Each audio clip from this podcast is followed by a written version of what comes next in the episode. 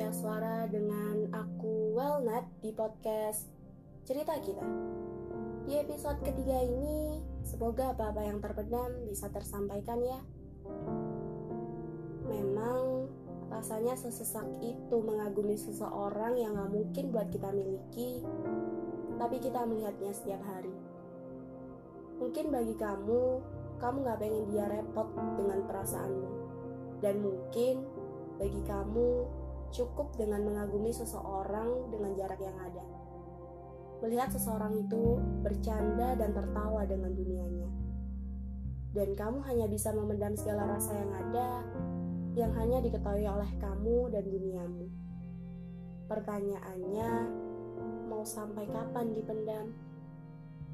Sampai rasa yang ada di hati membusuk karena kamu gak bisa jadi alasan buat dia ketawa. Karena kamu bukan dunianya. Atau bahkan dia anggap kamu adalah planet yang paling jauh dari bumi. Dari dunianya. Kamu tahu gak?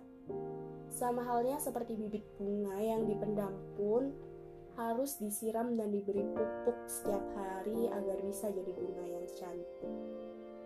Lalu bagaimana dengan perasaanmu?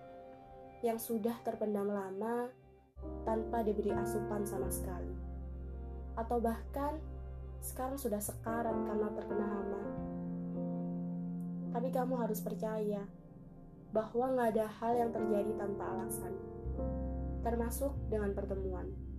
Semoga nantinya ada kesempatan untuk seseorang itu mengetahui rasa yang sudah lama terpendam.